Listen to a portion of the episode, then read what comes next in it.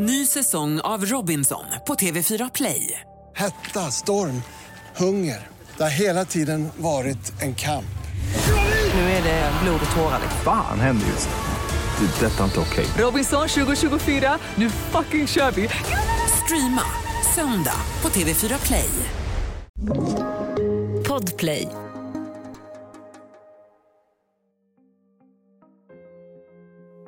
En man som sitter på mentalsjukhus börjar erkänna att han begått bestialiska mord. Han kommer att dömas i åtta fall. Thomas Quick blir Sveriges värsta seriemördare. Nästan en kändis och en unik gärningsman. Men många som har insyn i turerna tvivlar på om Quick verkligen är skyldig. En av dem är kriminalkommissarie Jan Olsson. Han blir indragen i en polisutredning där det sker märkliga saker. Men det ska ta många år innan Jan Olsson får rätt. Det här är Jag var där, en dokumentär från Podplay av Andreas Utterström och Mattias Bergman.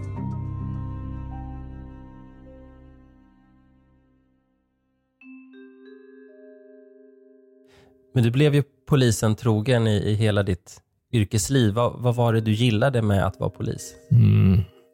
Logga in via Google Home-appen. Hoppsan, här kommer Google Home. Man, när man blev polis så fortsatte man polis eh, hela livet. Jan Olsson, 84 år. Han låter som en gammal kriminalare och det är han också. I början av 90-talet jobbar han på Tekniska roteln i Stockholm. Sedan hamnar han på Rikskrim och blir chef för gruppen som tar fram gärningsmannaprofiler. Arbetsuppgifterna skiftar. Nya saker händer hela tiden. Brott som Jan är med och löser är både kända och helt okända. Minns du när du hörde talas om Thomas Quick första gången?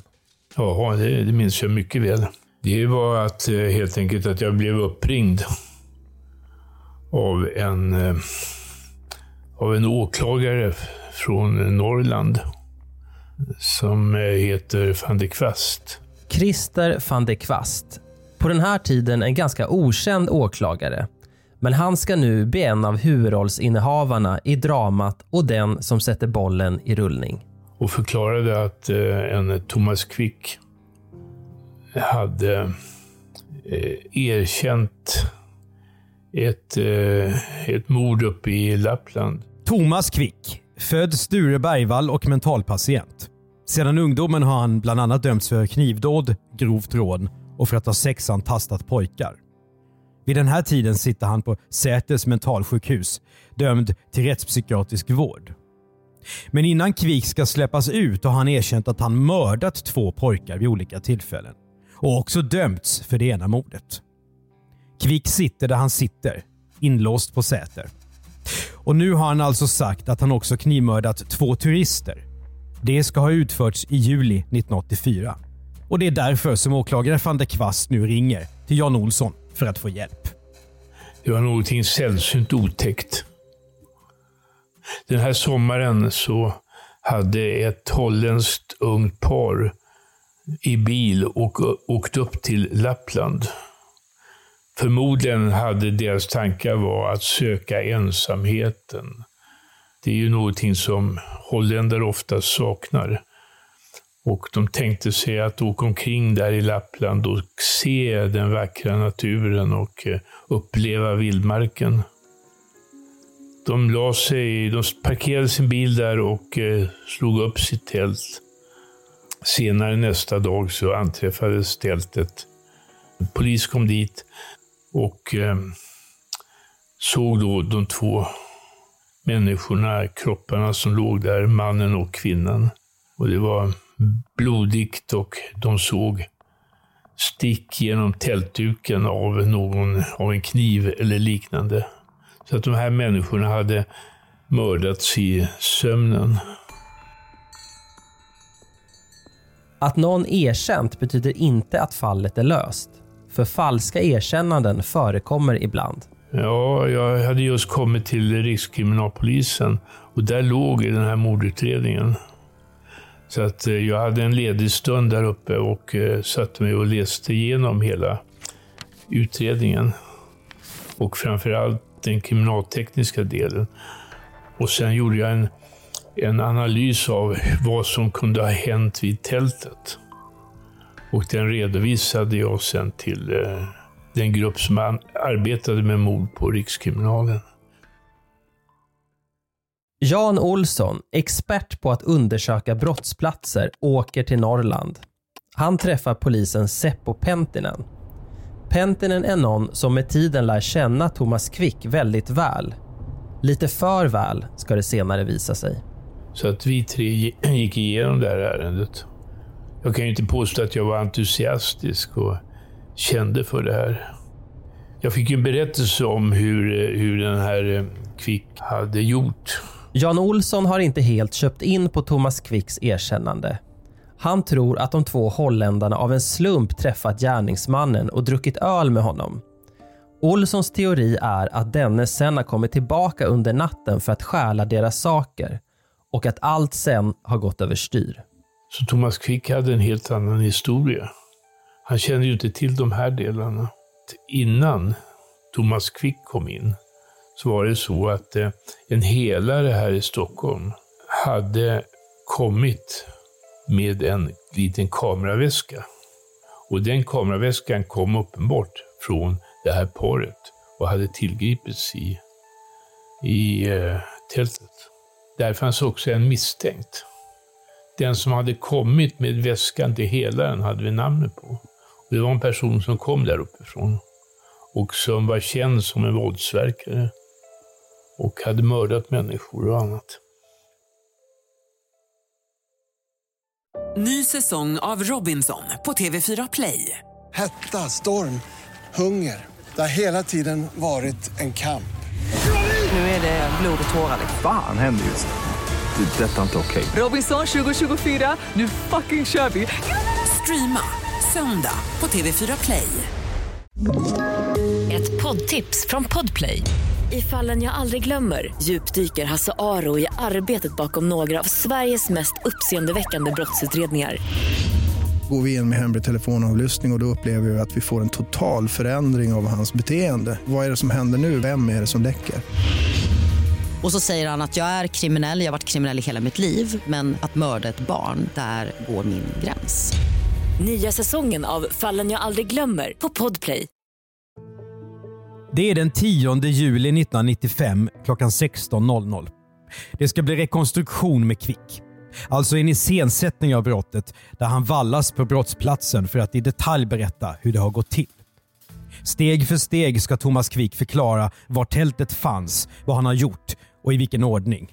Allt för att styrka att han faktiskt är gärningsmannen. Man hade ett tält som var ungefär likadant som det som hade, hade använts vid tillfället. Det ställde man på den plats där tältet hade stått. Man ställde en bil på den plats där en bil hade stått.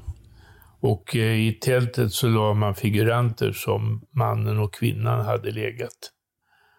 Och sedan så skulle då Kvick komma till platsen. Och det här var ju mot de regler som gäller för rekonstruktioner. Och det här var ju väldigt egendomligt. Kvick kommer till platsen. Polisutredaren Seppo Pentinen är med. Så dök sällskapet upp. Det var första gången jag träffade dem. Var kvick, eh, han var försedd tror jag med någon gummikniv eller något sånt där. Och sedan rusade han fram till tältet och eh, kastade sig. Och han rusade, han rusade in och genom öppningen i tältet. Den normala öppningen i tältet och in i tältet. Och sedan skrek, det var kraftigt ljud. Och eh, det blev en väldig kalabalik och tältet föll ihop. Och eh, sen avslutades det hela. Det hela var ju helt fel. Helt fel ja. Det Jan Olsson vet om brottet genom den tekniska undersökningen stämmer inte det minsta med Kvicks version. Men den här rekonstruktionen ska inte gå till som de brukar. Thomas Quick har tagit narkotikaklassade mediciner, men det märker inte Jan Olsson. Däremot blir han vittne till hur Quick får en ångestattack. Rekonstruktionen videofilmas.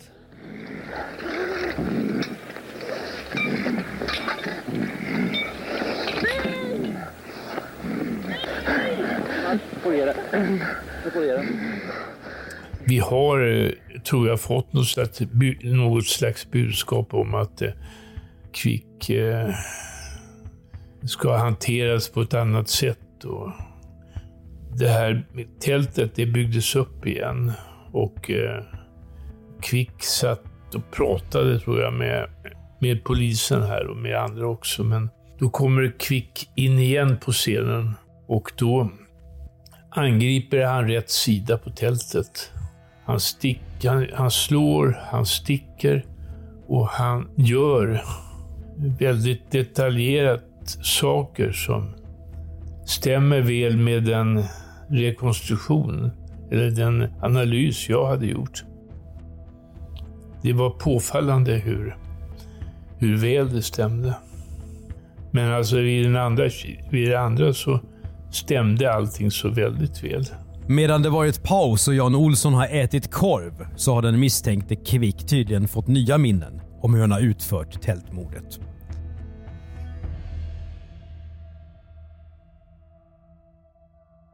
Den misstänkte kom till dukat bord, säger Olsson senare i en SVT-dokumentär. Alltså, han behandlades inte som misstänkta brukar vid en rekonstruktion. Alltså, vi fick klart för oss att vi skulle hålla oss undan. Så att det skulle vara avstånd. Jan Olsson hyser tvivel.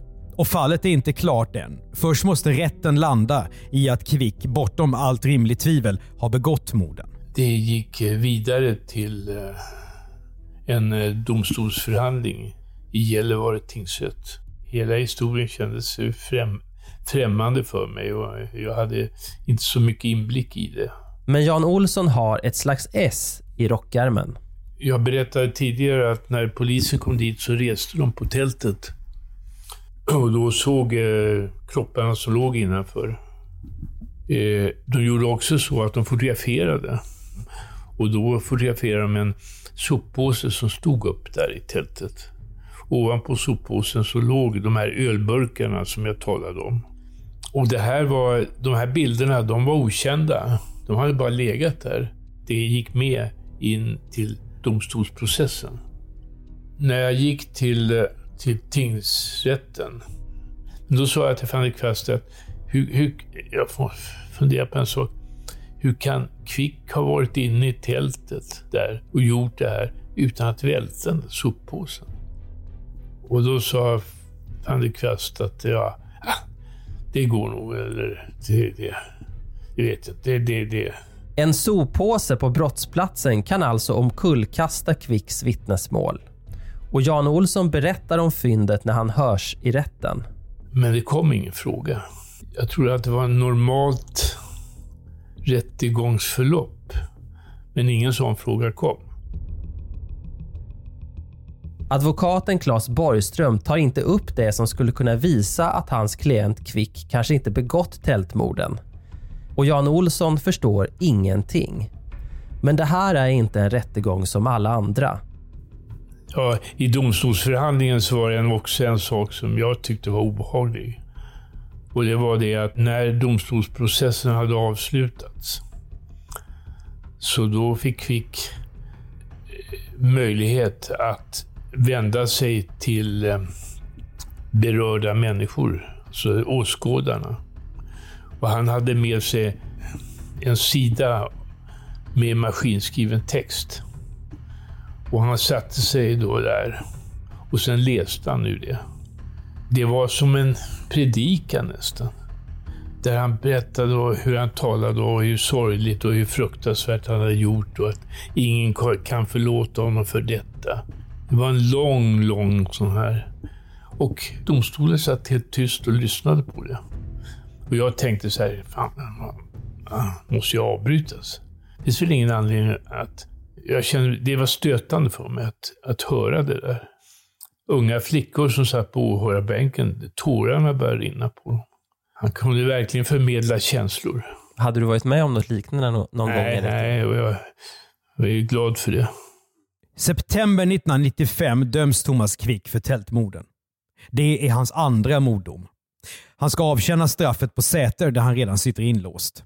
Under fortsatt överinseende av psykvårdare, läkare och terapeuter. efter den här eh, rättegången så, så ökade min tvekan.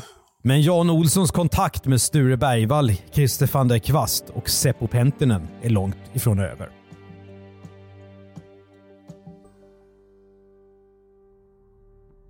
Ett mord som är aktuellt eh, i Rörshyttan i Dalarna. Mordoffret är Genon Levi, en 24-åring från Israel som är på besök hos släkt i Dalarna sommaren 1988. Han hittas död på en landsväg. Och nu får Jan Olsson ett nytt samtal från åklagare Christer van der Kvast. Han sa att eh, han hade erkänt det mordet och det skulle nu vara nästa mord som man skulle bearbeta på det här sättet. Det är 1996. Thomas Quick, eller Sätermannen som han kallas i medierna, är en kändis som intervjuas av kvällstidningsreportrar. Det passar in i tidsandan. Seriemördare med psykopatiska drag finns på allmänhetens näthinna. På bio ser man till exempel När lammen tystnar. Och de bortträngda minnen från barndomen som Thomas Quick påstår sig ha är på modet bland psykologer. I terapin på Säter får han berätta fritt om dem och visa på sina multipla personligheter där han plötsligt blir någon annan, som fantasifiguren Ellington och pratar med en helt annan röst. En lång rad förhör hålls med Quick om den mördade israelen Levi. Thomas Quick ger tio olika utsagor om vad som kan vara mordvapnet. Den här gången har Jan Olsson en ny plan och den håller han för sig själv. Men då gjorde jag så att jag eh, tog kontakt med den som hade haft, gjort undersökningen på platsen.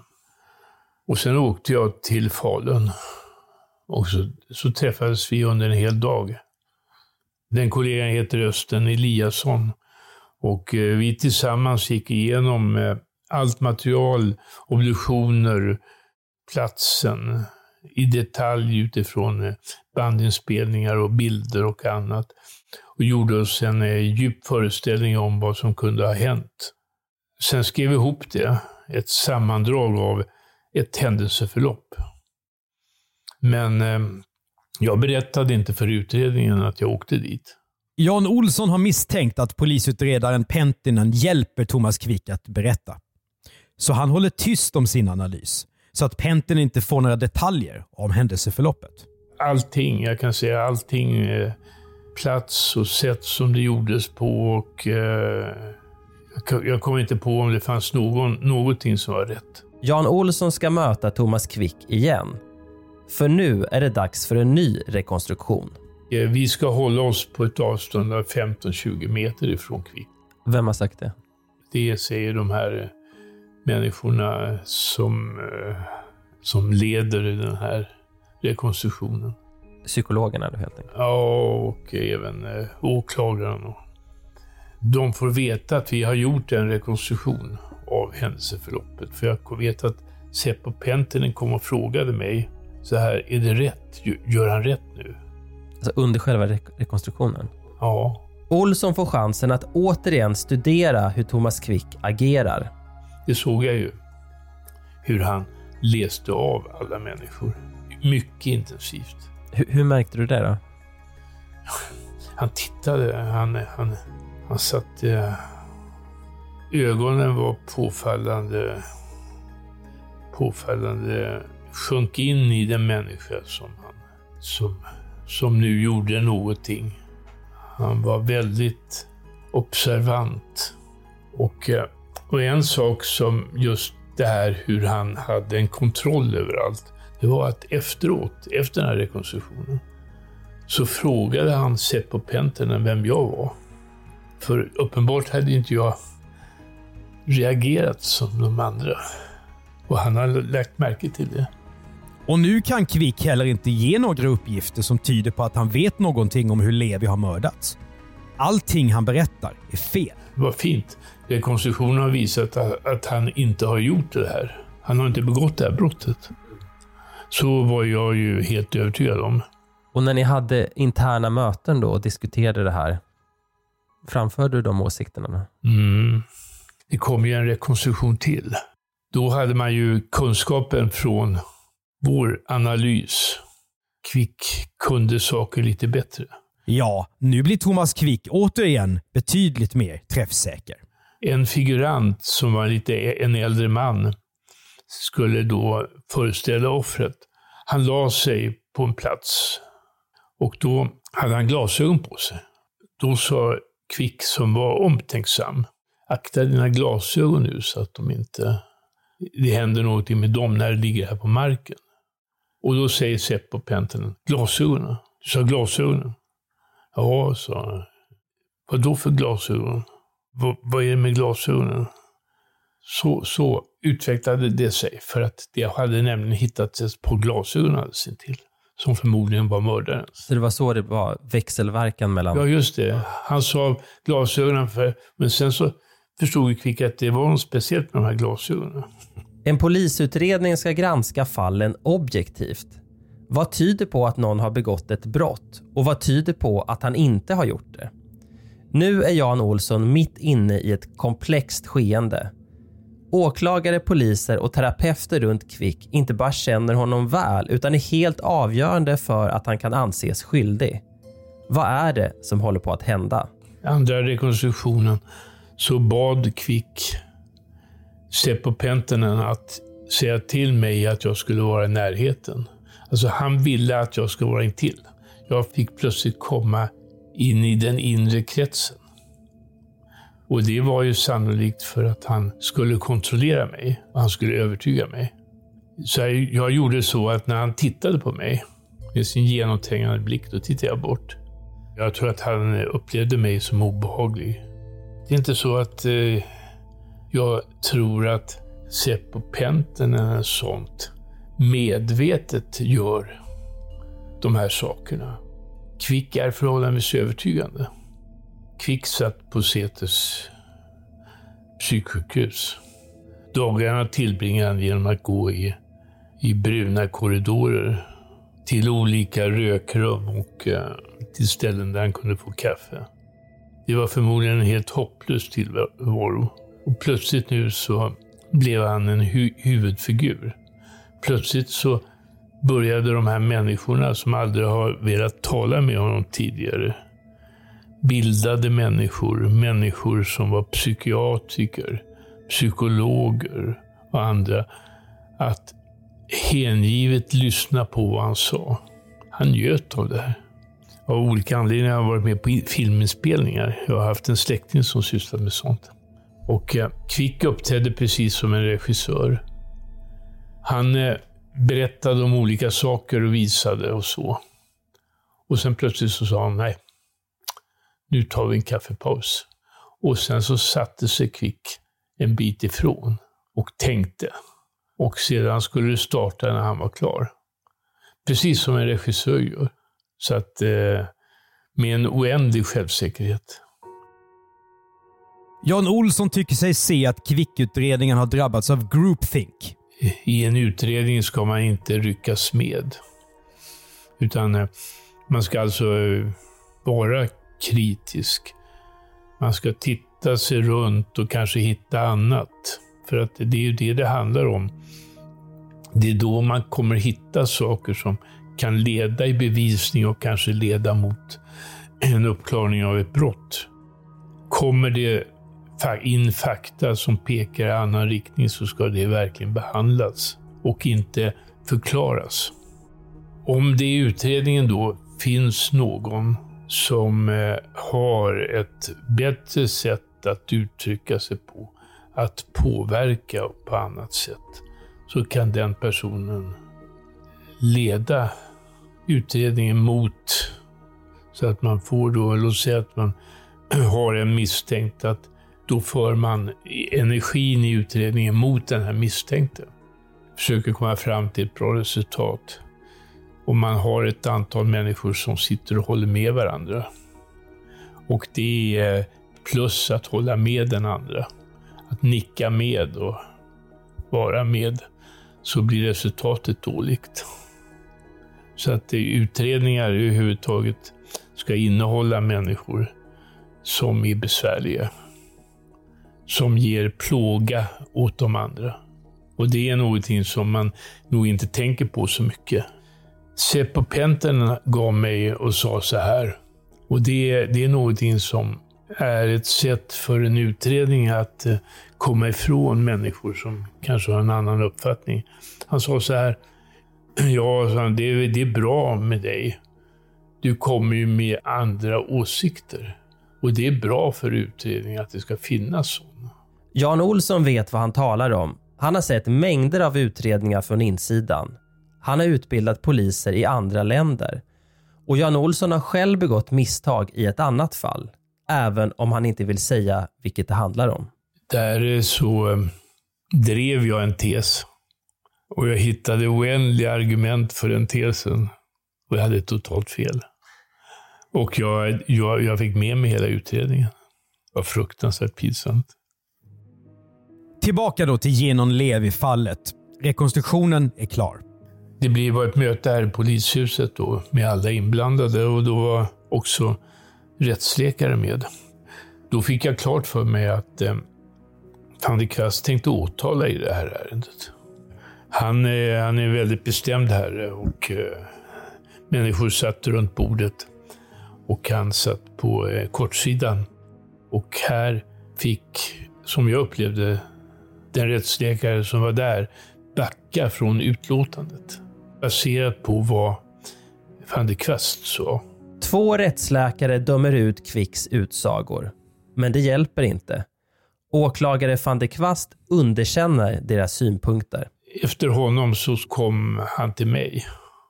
Och sen skulle jag då berätta och jag skulle eh, anpassa mig då till det här. Men då sa jag så här att ja, ja men jag förstår inte hur du ska komma ifrån de här glasögonen som ligger där. Jag menar, de glasögonen de passar ju inte för Kvick. De har, de har uppenbart tappats av mördaren. Det finns inga uppgifter om att Kvick har haft några sådana. Levi har alltså en bekant som har likadana glasögon som de som hittats på brottsplatsen. Ett typiskt spår att följa upp. Men Jan Olsson kör huvudet i väggen igen. Och åklagare van der Kvast, han blir arg. Då bröt han hela mötet och gick åt olika håll. Så där. Och då var det några där av poliserna som, som var där som sa att det var bra gjort, sa de till mig. Sen upptäckte jag att de här glasögonen som, var, som låg i Falun då, att de hade hämtats av eh, någon från den här utredningen för att föras till ett annat ställe för att undersökas. De hade undersökts av SKL och där hade man fastslagit att de kunde komma från en person som var misstänkt i ärendet sedan tidigare. Men nu skulle en annan undersöka dessa glasögon. Då fick jag reda på det. Då ringde jag upp van der Kvast och sen frågade jag honom vad han menar med att skicka material ifrån Falun till andra platser utan att prata med mig. Jag är ju ansvarig för det kriminaltekniska, så här. Och då sa han, du får inte prata med de här människorna som, har, som skulle göra nya undersökningen. Jag kände ju dem, så att eh, jag kunde ha gjort det och sagt att sluta upp med det här. Men eh, jag gjorde ju inte det då. Jan Olsson har fått nog. Skrev ett långt PM där jag, där jag beskrev hur eh, Kvick hade, hur han hade uppträtt på de här rekonstruktionerna. Hur han hade varit iakttagande, hur han var manipulerande och allt det här. Och sen så skrev jag på slutet att min rättskänsla till, tillåter inte mig att fortsätta att medverka i det här. Det är ju starka ord från en polis. Ja. Sen så gick jag och visade till min chef, Anders Danielsson. La pappret i ett kuvert som jag adresserade till eh, Åklagarmyndigheten med adress. Så att eh, Åklagarmyndigheten skulle få, måste diarieföra det som inkommande. Så att det skulle finnas tydligt dokumenterat. Ja, men det gjordes aldrig. Nu är Jan Olsson borta från utredningen. Samtidigt döms Thomas Quick även för mordet på Genon Levi. Jan Olsson, han har blivit en visselblåsare. Om jag hade gått till massmedia och berättat så hade jag ju inte kunnat, förmodligen hade jag inte kunnat arbeta i, som chef för den här gärningsmannaprofilgruppen längre. Jag var absolut inte ensam. Och det gjorde ju det att eh, När, jag var tveksam så hade jag gott sällskap med, med många andra. Nej, flera journalister, psykiatriker och andra bedömare är skeptiska till Kvicks skuld. När 90-talet blir 2000-tal staplas kritiken mot utredningen från tunga debattörer. Men när Kvicks mordoffer inte visar sig vara döda utan plötsligt dyker upp högst levande, borde inte det sänka hans trovärdighet? Och om Kvick nu är en seriemördare så betyder det att han fyller kvoten för fyra olika psykiatriska kategorier samtidigt. En seriemördare inte lik någon annan i hela världen alltså. Men så är det alla detaljer. Kvicks berättelser i förhör och hans träffsäkra rekonstruktioner. Kanske är han skyldig ändå. Thomas Quick, eller Sture Bergvall, döms för totalt åtta mord. Han erkänner också en mängd andra. Han namnger flera medgärningsmän, men de kan inte bindas till brotten. Kvick går in i tystnaden på Säters fasta paviljong. Han tiger och försvinner. Domarna ligger såklart fast. Men Jan Olssons irritation är inte över. När en resningsansökan avslås, utan Kvick bedöms ska sitta kvar på Säter, går Olsson ut i medierna. Så att senare efteråt, något år efteråt, så fick jag möjlighet att skriva i, i DN Debatt. I sin artikel skriver han “Människorna som involverade i utredningen blir troende. Deras gemensamma tro. De var så uppfyllda av det här. Jag är ju ateist.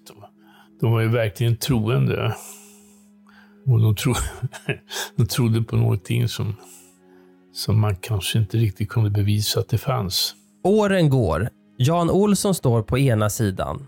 På den andra en mängd uppburna och högröstade män. Jag hade, jag hade en tanke och det var att 2007 eh, tror jag det var. Så hade jag sagt att det här kommer lösa sig för att Kvick kommer ta tillbaka alltihop. jag vet inte, på något sätt lärde jag mig känna honom. Men så händer något. Historien om den unika seriemördaren tar ny fart. En del säger att han är Sveriges värsta seriemördare. Andra är tvärsäkra på att han bara är mytoman. Själv hade jag ännu ingen uppfattning. Vi hör Sveriges Televisions reporter Hannes Råstam. Han kontaktar Jan Olsson. Råstam har bestämt sig för att granska Kvickfallet med öppna ögon. Vem har rätt? De som har drivit åtalen mot Kvick eller de, likt Jan Olsson, som tror att allt är falskt? Och han var väldigt eh, avvaktande och ganska kritisk. Alltså han var så här, precis som en polis ska kunna vara. Så han, han trodde mig inte riktigt när jag försökte berätta allt det här. Han var en fascinerande människa. Och Hannes Råstam använde mig som... Eh, så jag fick eh, fira all hans... Denna, all viktig information som han tog fram, det berättade han för mig. Under långa telefonsamtal. Så här på en-två timmar.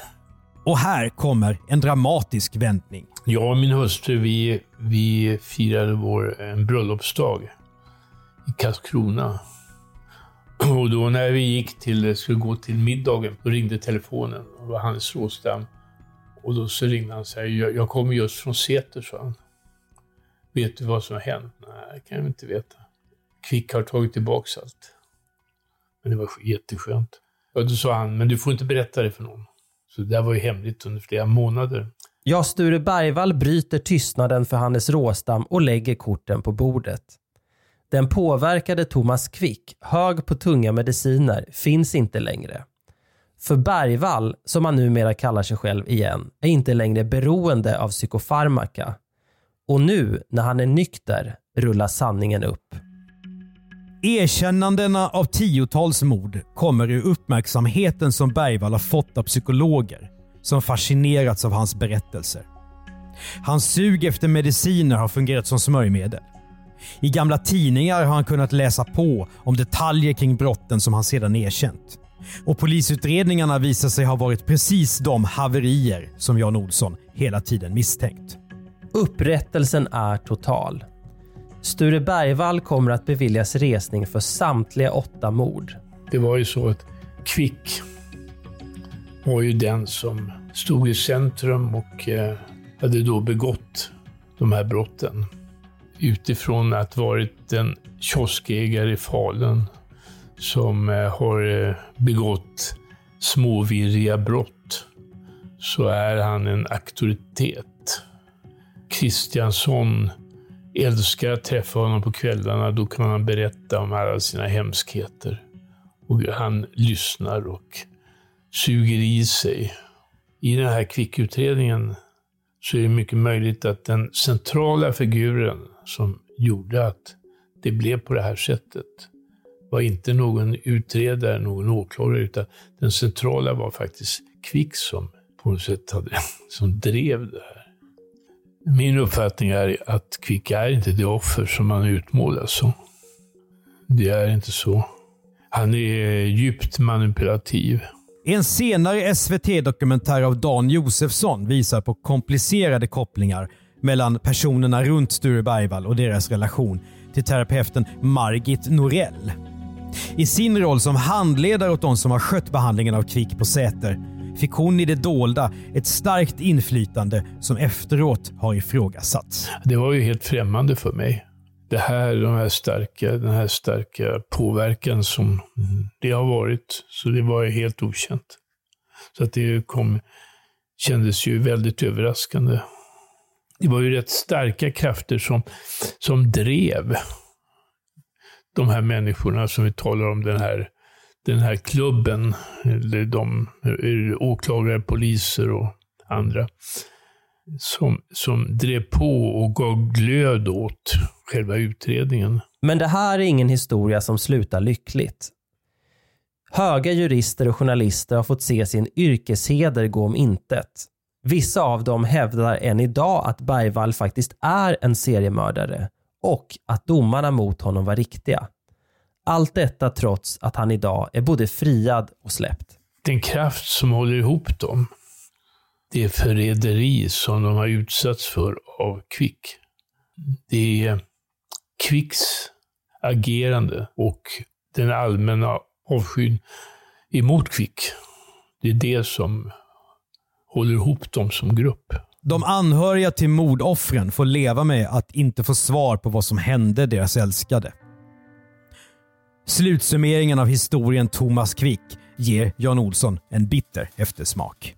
Om man ska tala om rättsskandaler i det här landet så är ju självklart Quick en... Jan Olsson han både gå i pension och jobba vidare med annat.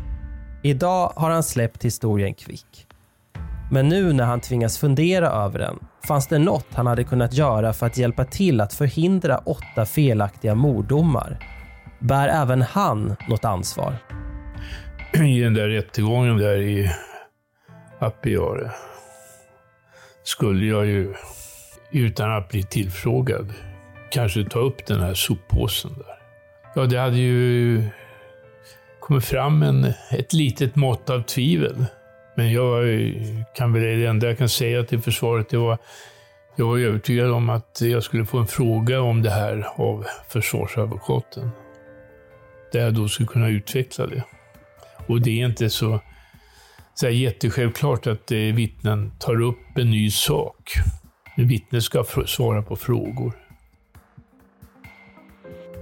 Du har hört ett avsnitt av Jag var där. En dokumentär från Podplay av Andreas Utterström och Mattias Bergman.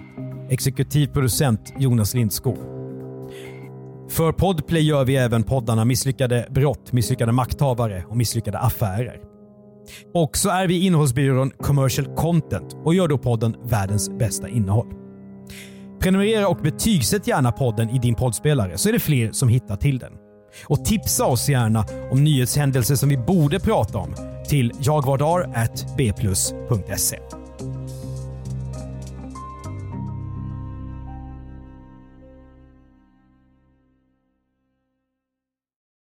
Ny säsong av Robinson på TV4 Play. Hetta, storm, hunger. Det har hela tiden varit en kamp. Nu är det blod och tårar. Fan händer just det. Det är detta inte okej. Robinson 2024, nu fucking kör vi!